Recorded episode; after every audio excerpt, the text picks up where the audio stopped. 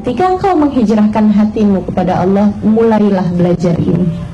Mulailah belajar bahwa setiap manusia yang ada di atas muka bumi ini adalah hamba-hambanya Allah. Tidak akan ada yang bisa memberikan bahaya kepadamu kecuali dengan izin Allah. Tidak ada yang bisa memberikan kemanfaatan kepadamu kecuali dengan izin Allah. Sehingga tidak ada kemudian kita menjadi begitu tawabuk kepada orang kaya karena kekayaannya. Kita tidak akan kemudian menghina orang miskin karena kemiskinannya, karena kita faham kaya miskin pengaturnya satu. Hina mulia, pengaturnya satu.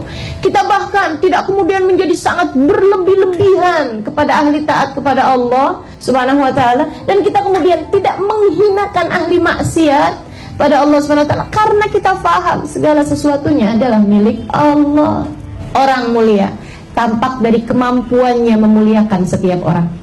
Dan orang hina tampak dari kemampuannya menghinakan setiap orang. Karena orang mulia melihat setiap orang sebagai hamba-hamba Allah Subhanahu wa taala.